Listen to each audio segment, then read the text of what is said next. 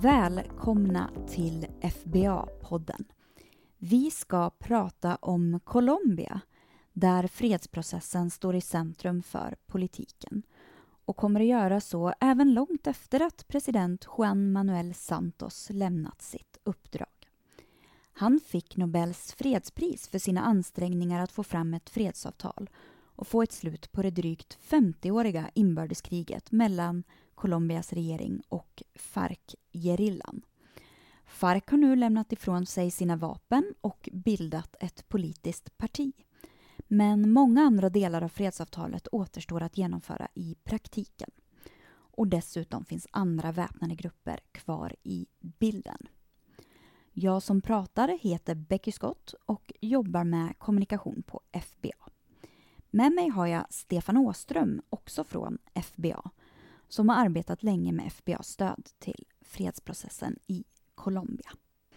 Stefan, FBA har bland annat gett stöd till processen för att avväpna FARC-gerillan och ger nu stöd till arbetet med att återanpassa före detta FARC-kombatanter till ett civilt liv. Kan du berätta lite mer om den här så kallade DDR-processen? Hur, hur går den till? Ja, eh, vi har ju jobbat ganska många år med det här och vi är ju jättenöjda förstås att FARC slutligen ändå då skrev på ett fredsavtal i november 2016. Och normalt sett så är det så, inte bara i processen i Colombia utan i många sådana här processer, att den första delen handlar just om att hantera den här gruppens vapen och de personer som deltog i striderna, det man kallar då för kombatanter. Och eh, det stöd som vi gjorde och gav tidigare då handlar just om då hur man ska inkludera de här frågorna i det fredsavtal man skrev på. Så i början på 2017 då så eh, eh, koncentrerades i olika, eh, på olika ställen då, i de områden där de fanns redan under kriget. Och där lämnade de också in sina vapen. Så det var en process som pågick under första delen av 2017 och sen var avslutad i augusti 2017. Då hade FARC lämnat in alla sina vapen på de här eh, platserna då där de var koncentrerade. Eh, och eh, sen vad som händer med vapnen där då, det är att i det här fallet då så ska de smältas ner och man ska göra två statyer då utav det, är det man hade kommit överens mellan regeringen och FARC. Och en utav de här eh, statyerna ska stå faktiskt utanför FN i New York, är tanken.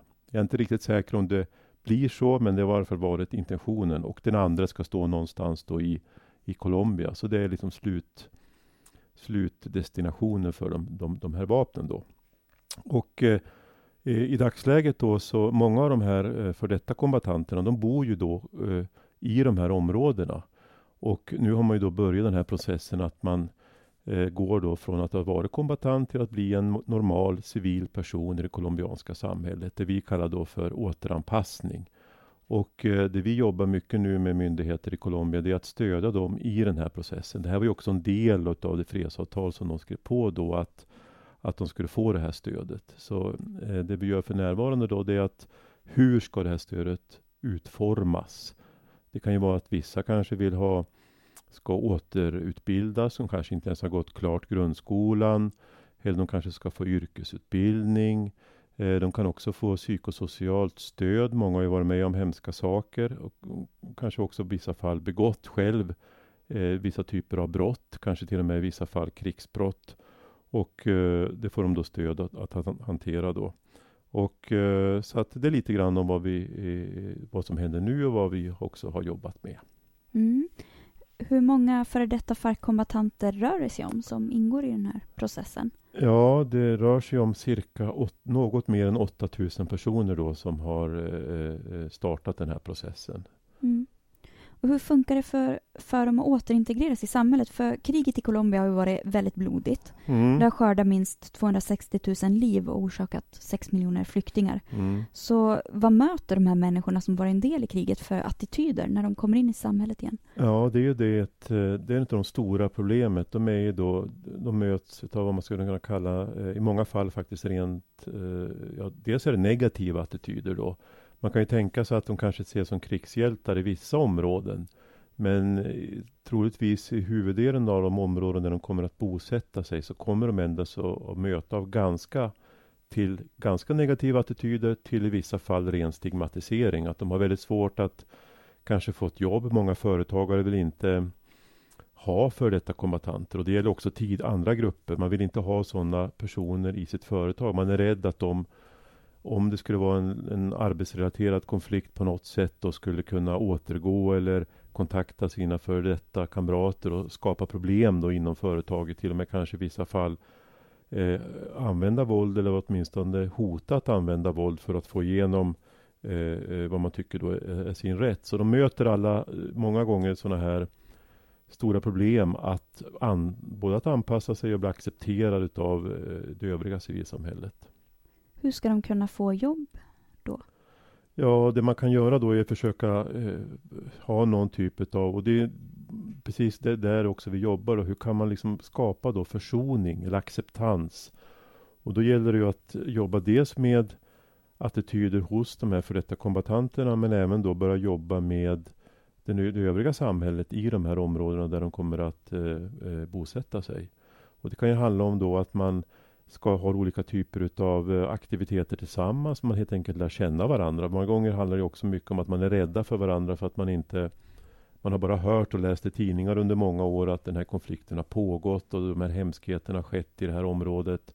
Så många är helt enkelt rädda också för de här personerna. Så om de lär känna dem så kanske de märker ändå att i, i, på det stora hela är det eh, människor som eh, vem som helst så att säga. Och det, det, är också det vi märker när de så att säga, blir introducerade då i, i samhället så eh, eh, eh, är, är, är, tiden en faktor i sig. Det gäller att folk får vänja sig helt enkelt att de finns här och lär känna dem då. Och successivt också förändras ju de, i de i, i, under den tid de så att säga genomgår då kanske olika typer av utbildningar eller andra aktiviteter för att bättre kunna ha möjligheter att få någon annan typ av utkomst än att vara medlem i en väpnad grupp. Mm. Eh, FARC ska nu bli ett politiskt parti istället för en väpnad grupp. Vad har de för möjligheter att få politiskt inflytande? Ja, alltså det är ju själva grundbulten i hela fredsavtalet styrdes ju kan man säga av en liksom grundläggande idé och det var ju då att det kan ju finnas att FARC i vissa områden och i vissa avseenden hade då legitima krav. Men de ska precis som alla andra eh, grupperingar i samhället driva detta då genom de eh, så att säga lagliga kanaler som finns för politiskt arbete och inte använda vapen för att liksom tvinga fram sin vilja då. Och, eh, så det har varit vägledande i de här förhandlingarna att de skulle ha den här möjligheten att man skulle liksom utvidga, öppna upp det politiska systemet och ge då plats åt också en gruppering som FARC. Och det har man ju gjort. Det var under en procent totalt som röstade på FARC. Så det var ju mindre stöd än vad kanske många förståsigpåare trodde ändå. Eh, och det kan ju också se att det finns en stor och utbredd negativ inställning till FARC som också då spiller över på hur man ser på de enskilda individerna som har varit med i FARC. Men de har ju ändå lovats visst politiskt inflytande så under två mandatperioder då, eh, åtta år, så har de garanterat ett antal platser i kongressen, både då i representanthuset och i senaten. Och då har ju då FARC en möjlighet här att med de garantier nu de har fått att kunna bedriva politisk kampanj. De kan då ha ett visst antal eh, representanter i parlamentet.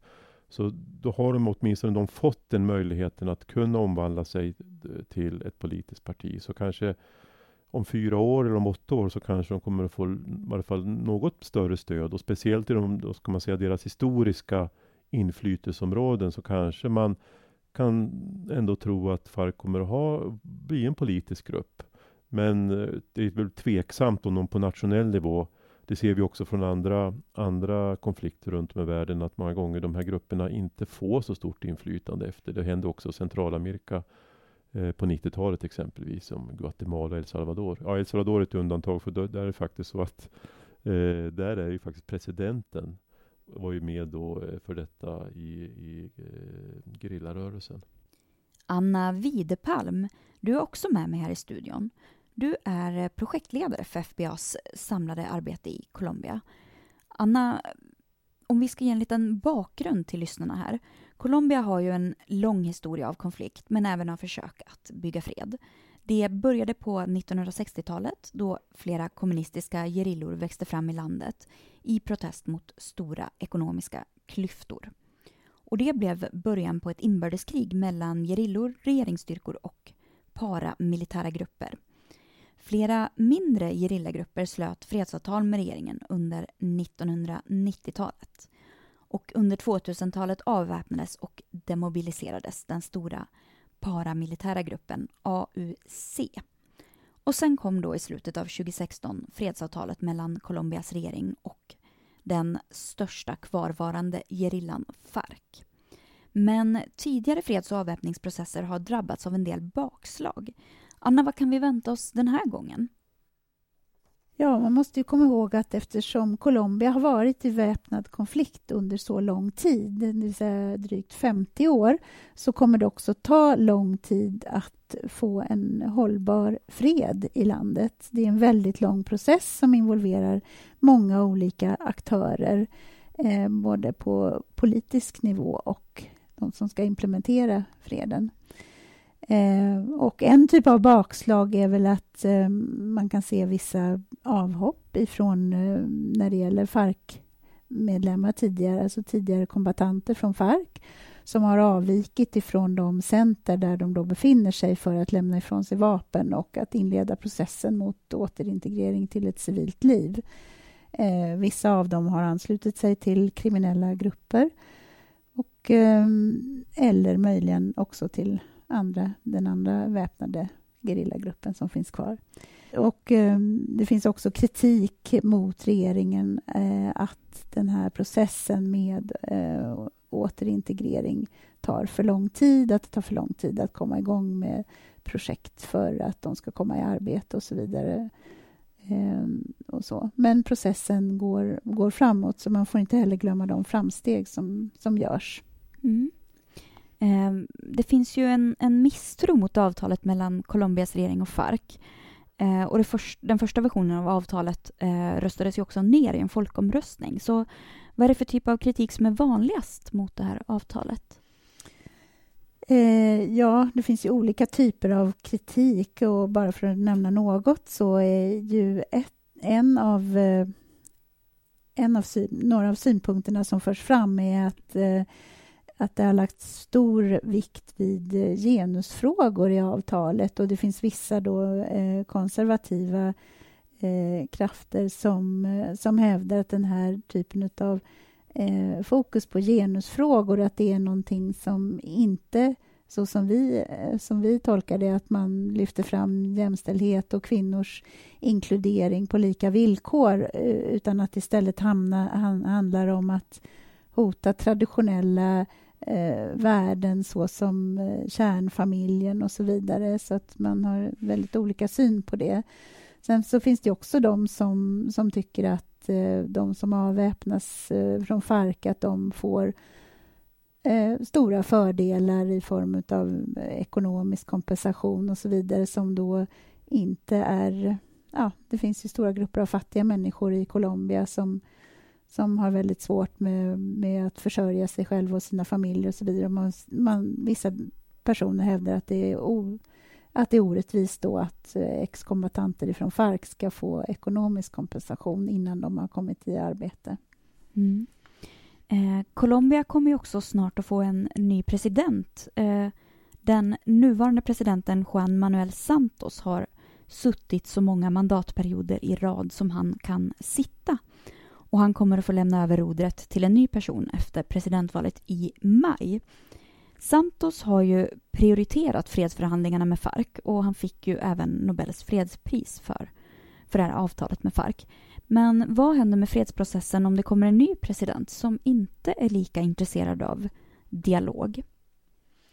Ja, fredsavtalet är ju eh, till stor del skyddat i, genom lagstiftning så att det går inte att riva upp avtalet. Däremot så eh, finns det ju så eh, en risk för att om det är ett parti som nu är eh, i opposition mot den sittande regeringen och som är kritisk till fredsavtalet så kommer ju då den presidenten vilja sätta sin politiska prägel, personliga prägel på politiken och, och kan ju därigenom påverka hur pass mycket vikt man lägger vid implementering av, av avtalet och på vilket sätt man gör det, så, så vilket då kan påverka i negativ riktning. Mm. Eh, sen finns det också fortfarande kvar en aktiv vänstergerilla i Colombia som inte har slutit fredsavtal med regeringen. Eh, ELN heter den, som vi nämnde förut. Eh, fredssamtal mellan ELN och den colombianska regeringen har pågått ett tag men det har inte resulterat i något avtal än. Vad händer där? Ja, de förhandlingarna som sker i Quito i Ecuador de inleddes för ett drygt år sedan, det vill säga i februari 2017.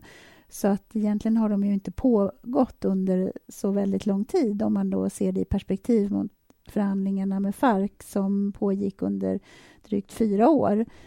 Detta är då den officiella fasen av förhandlingarna som inleddes i februari 2017 och det har ju föregåtts av eh, eh, förberedande arbete eh, dessförinnan. Ehm, eh, så att förhandlingarna har ju pågått under 2017 och sen så slöt man ett eh, avtal om eldupphör Eh, som var tidsbegränsat och som löpte ut i eh, början på januari 2018. Och eh, i och med att det löpte ut så, så förekom det våldshandlingar och man valde då att vara, låta förhandlingarna vara vilande under en tid. Men eh, från olika håll så har man försökt stötta den här processen för att samtalen ska återupptas igen, bland annat från FNs sida och från den eh, vängrupp som den kallas. Det är en grupp av länder, eh, europeiska länder där Sverige ingår eh, som på olika sätt försöker stödja de här förhandlingarna så har eh, eh presidenten nu fattat beslut om att eh, man ska återuppta eh, den femte förhandlingsrundan i Quito. Med ELN alltså. Ehm, FBA ger ju tekniskt stöd i samtalen mellan ELN och Colombias regering. Vad innebär det? Det innebär att vi i nära samråd, som i allt vi gör tillsammans med ambassaden, Sveriges ambassad i eh, Bogotá eh, erbjuder den tematiska expertis som FBA har inom de här områdena då, som efterfrågas. Och det kan till exempel röra sig om eh, olika aspekter utav Eh, DDR då, som är den här processen för avväpning, demobilisering och återintegrering. Eh, till exempel hur man upprättar ett, freds, ett eh, eldupphöravtal. Det kan också röra sig om eh, frågor kring eh, kvinnors inkludering i, eh, i förhandlingar i, och eh, jämställdhet, som är ett annat av FBAs expertområden. Så vi ger råd om hur man kan utforma ett avtal helt enkelt? Ja, det kan man säga. Mm. Eh, FBA har enligt Sveriges biståndsstrategi för Colombia i uppdrag av den svenska regeringen att arbeta för fred och säkerhet i Colombia.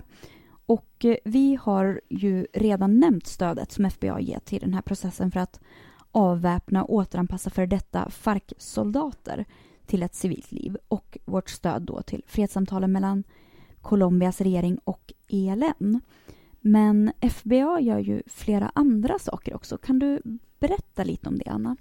Ja, vi fick ju alltså då i och med att en ny strategi för Colombia bilateralt samarbete mellan Sverige och Colombia antogs i eh, september 2016 så fick FBA för första gången ett uppdrag inom ramen för den här strategin att, eh, att eh, att bidra till fred och säkerhet i Colombia och då specifikt inom tre områden då, eh, som vi tidigare har nämnt, är DDR. Det är också SSR som betyder reform av säkerhetssektorn, det vill säga de aktörer som till exempel militär och eh, polis eh, som finns i ett land. Eh, vi arbetar också med eh, kvinnor, fred och säkerhet som ett viktigt tematiskt område. Och vårt uppdrag innebär både att arbeta med eh, offentliga aktörer, det vill säga myndigheter och de delar av Försvarsmakten som är direkt involverade i att stödja fredsprocessen. Eh, eh, vi arbetar också med eh, organisationer från det civila samhället. Eh, och som ett exempel kan jag nämna som då ligger inom DDR-området är att vi eh, ger stöd och har gjort i många år, även innan eh, den här strategin antogs ehm, till myndigheten i Colombia som ansvarar för återintegrering av före detta kombatanter. Eh, och där jobbar vi med rådgivning och utbildning på olika sätt. Vi bistår dem i att arrangera något som kallas för regionala forum i konfliktutsatta delar av landet där då Eh, den här myndigheten som heter ARN samlar olika aktörer. Det kan vara allt ifrån lokala myndigheter, civilsamhällesorganisationer, utbildningsaktörer eh, som arbetar i de här eh, områdena för att bidra till återintegrering och lokalt fredsbyggande. Så FBA ehm, eh, bistår då med att eh, eh, eh, presentera olika modeller för återintegrering, lokalt fredsbyggande och eh, också väldigt viktigt ge ett internationellt perspektiv på det här eh, arbetet eftersom FBA har erfarenheter från olika delar av, av världen i den här typen av processer. Jättespännande. Eh, Stefan, om jag vänder mig tillbaka till dig. Mm. Eh, vi har ju också det här med kriminalitet och droghandel som hotar säkerheten och stabiliteten i Colombia. Eh, vad händer nu i de delar av Colombia där Farc eh, hade kontrollen förut? Hur ska regeringen kunna ta kontroll utan att eh, andra kriminella grupper hinner ta över? Mm. Jo, men det här är ju ett av de verkligen stora problemen och eh, hotet också kan man väl säga mot fredsprocessen och möjligheten att eh, faktiskt skapa en varaktig fred. Och vi, kan, vi ser ju tyvärr att att Farcs eh, avväpning och mobilisering har lämnat ett visst utrymme för andra aktörer att gå in i de områden där de hade kontrollen. Och tyvärr är det också i många av de här områdena det finns väldigt mycket kockaodlingar helt enkelt. Mm. Och vi ser också att den totala arealen kocka som odlas nu är tillbaka faktiskt på väldigt höga nivåer. De har tio år sedan var man nere och det har tillväxt ganska mycket. Så det finns vad ska man säga, nya grupperingar, kriminella grupperingar som i någon mening har tagit, eh, tagit en fördel av att Farc har dragit sig tillbaka. Och här har ju då eh, myndigheterna och staten, colombianska staten, ett stort ansvar att faktiskt eh, komma in då med, eh, med sin närvaro helt enkelt. Och be, dels bekämpa de här nya kriminella grupperna och faktiskt också då försöka slutföra den här förhandlingen med ELN naturligtvis som då positivt kan verka så inte de tar över och involveras mer och mer i den här illegala hanteringen då. För det innebär ju också att de då med de pengarna kan naturligtvis fortsätta och finansiera sin fortvaro och kanske också expandera. Så det här är ju ett, ett väldigt reellt hot och någonting som pågår ja, dagligdags i vissa delar av, av, av Colombia. Mm, mm. Ehm, ja, det är som du säger att Colombia ligger i topp bland världens länder när det kommer till kokaproduktion och i droghandelns spår så kommer det också våld. Vad kan man göra åt det? Jag har förstått att eh, regeringen i Colombia försöker att ge bönder alternativ till att odla koka. Ja, och, det är också en del av eh, eh, freds, fredsavtalet. Första punkten handlar just precis om landsbygdsutveckling och bruket, alltså hur man odlar jorden, hur jord, dels jord, jordägandet etc. etc. Men också en stor del då handlar om hur man ska kunna göra då ersätta de här illegala grödorna med eh, lagliga grödor då. Och eh, man kan väl säga att man har gjort även det här tidigare under en ganska lång period. Det är väldigt svårt beroende på att det genererar ju så mycket pengar.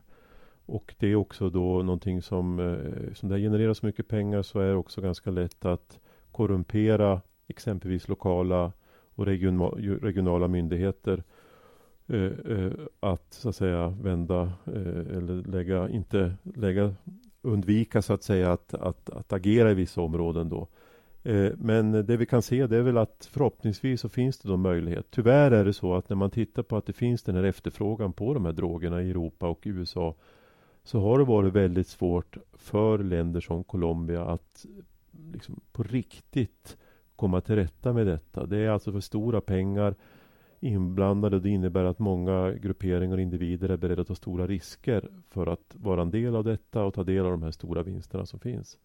Mm. Så att det här är ju ett, eh, ett, eh, ett, stort problem. Men det pågår ett program, man pratar om 60 000 kockabönder som man då identifierat som en del av det här fredsavtalet och de ska då få eh, ja, krediter, ekonomiskt stöd, teknisk utbildning för att kunna odla då och få ta del av marknader också för andra grödor. Att kunna liksom på något vis vara del av en annan ekonomi än den här illegala ekonomin. Mm. Mm. Som jag har förstått det så påverkar också krisen i Colombias grannland Venezuela situationen också. Eh, Colombia har det senaste året tagit emot väldigt stora flyktingströmmar från Venezuela. Och det rapporteras om att kriminella grupper utnyttjar kaoset i Venezuela för att eh, ja, som en tillflyktsort helt enkelt. Mm. Eh, vilken inverkan kan det ha på fredsprocessen i Colombia? Ja, det påverkar också. Det kan ju också eh, påverka negativt. Och vad vi ser nu är att den här gruppen då som förhandlar i Quito, precis som Anna då förklarade alldeles nyss här.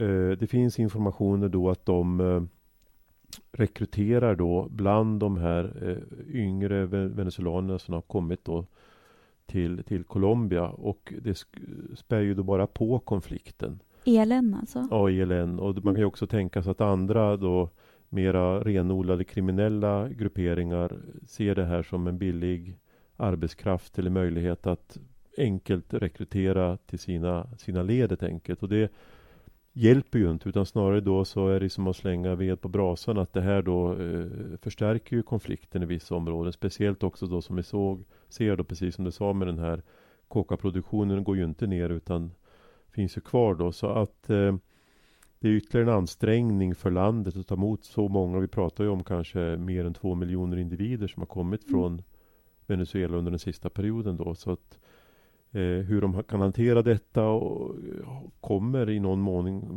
mån också ha påverkan på möjligheten att bygga hållbar fred i Colombia. Colombia står för fortsatt stora utmaningar alltså, men man måste ändå säga att Colombia är ett ganska ljust exempel på en fredsprocess i världen som faktiskt går framåt, om än med stapplande steg. Eh, Anna, vilka lärdomar kan vi dra från exemplet Colombia? Ja, en sak är ju det här kring eh, fredsavtalet som jag nämnde tidigare som har då, som då också har framförts som kritik. Men jag tycker det är viktigt att framhålla att det är ganska unikt i sitt slag att man faktiskt har lagt så stor vikt vid kvinnors inkludering och att fredsavtalet ska ha ett genusperspektiv. Och det är någonting som Sverige länge har varit med och, och gett stöd till. Och det bör kunna ses som ett, eh, som ett exempel för andra processer därför att kvinnor tidigare oftast har varit exkluderade från eh, fredsförhandlingar. Och det är ju av största vikt att 50 procent av befolkningen får vara, ta del av det här viktiga arbetet. Eh, sen så är det också så att man har eh, lagt väldigt mycket arbete på att eh, eh, att arbeta med eh, landfrågan som är ju en av grundorsakerna till konflikten och det ger stort utrymme i fredsavtalet och hur man ska då arbeta med att eh, de som har tvingats att eh, förflyttas på grund av konflikten eller förlorat tillgång till sin jord, till sin mark, att man då ska få tillbaka det. Så där pågår ett, eh, ett stort arbete där det finns mycket kvar att göra. Men det är viktigt att lyfta fram att den frågan verkligen har eh, satts i fokus. Eh, vad krävs för att fortsätta bygga en, en hållbar fred i Colombia? Vad säger du, Stefan? Jag tror att eh, för att komma åt några av de här verkligen grundläggande orsakerna till konflikten så måste dels staten ha ett, en bättre närvaro i många, många delar av Colombia, specificerat i många marginaliserade områden. Det är precis där de här grupperingarna frodas kan man säga. Så staten måste få bättre eh, eh, närvaro och kontroll över stora delar av sitt territorium. Det är väl en, en, en, en sån stor eh, fråga då. Och det ser vi ju i och för sig förbättringar. Den colombianska staten fungerar ju bra i de områden där de finns. Problemet många gånger är att det finns inte polis, det finns inte grundläggande service för medborgarna i fortfarande i Colombia i stora delar. Och då är det lätt för eh, sådana här illegala aktörer då att eh, rekrytera och, och, helt enkelt finnas på plats där och kunna eh, långsiktigt vara där och hålla på med sitt så att säga. Det är väl, ett, det är väl en stor, stor utmaning. Sen är det ju naturligtvis det här med den illegala narkotikahanteringen då som, eh, vad kan man göra åt detta? För någonstans i botten ligger ju detta som en sorts eh, generator av det våld som vi ser över de sista 50-60 åren i Colombia. Att de här grupperingarna hade ju inte funnits kvar på det sättet tills idag om de inte hade haft den här inkomstkällan helt enkelt. Så att eh, den colombianska statens eh, närvaro, effektivitet och på något sätt kunna kunna hantera och trycka tillbaka helt enkelt den här illegala eh, narkotikahanteringen. Mm. Tack så mycket Anna Videpalm och eh, Stefan Åström. Och eh, tack så mycket till dig för att du lyssnade. Vi hörs i nästa avsnitt av FBA-podden.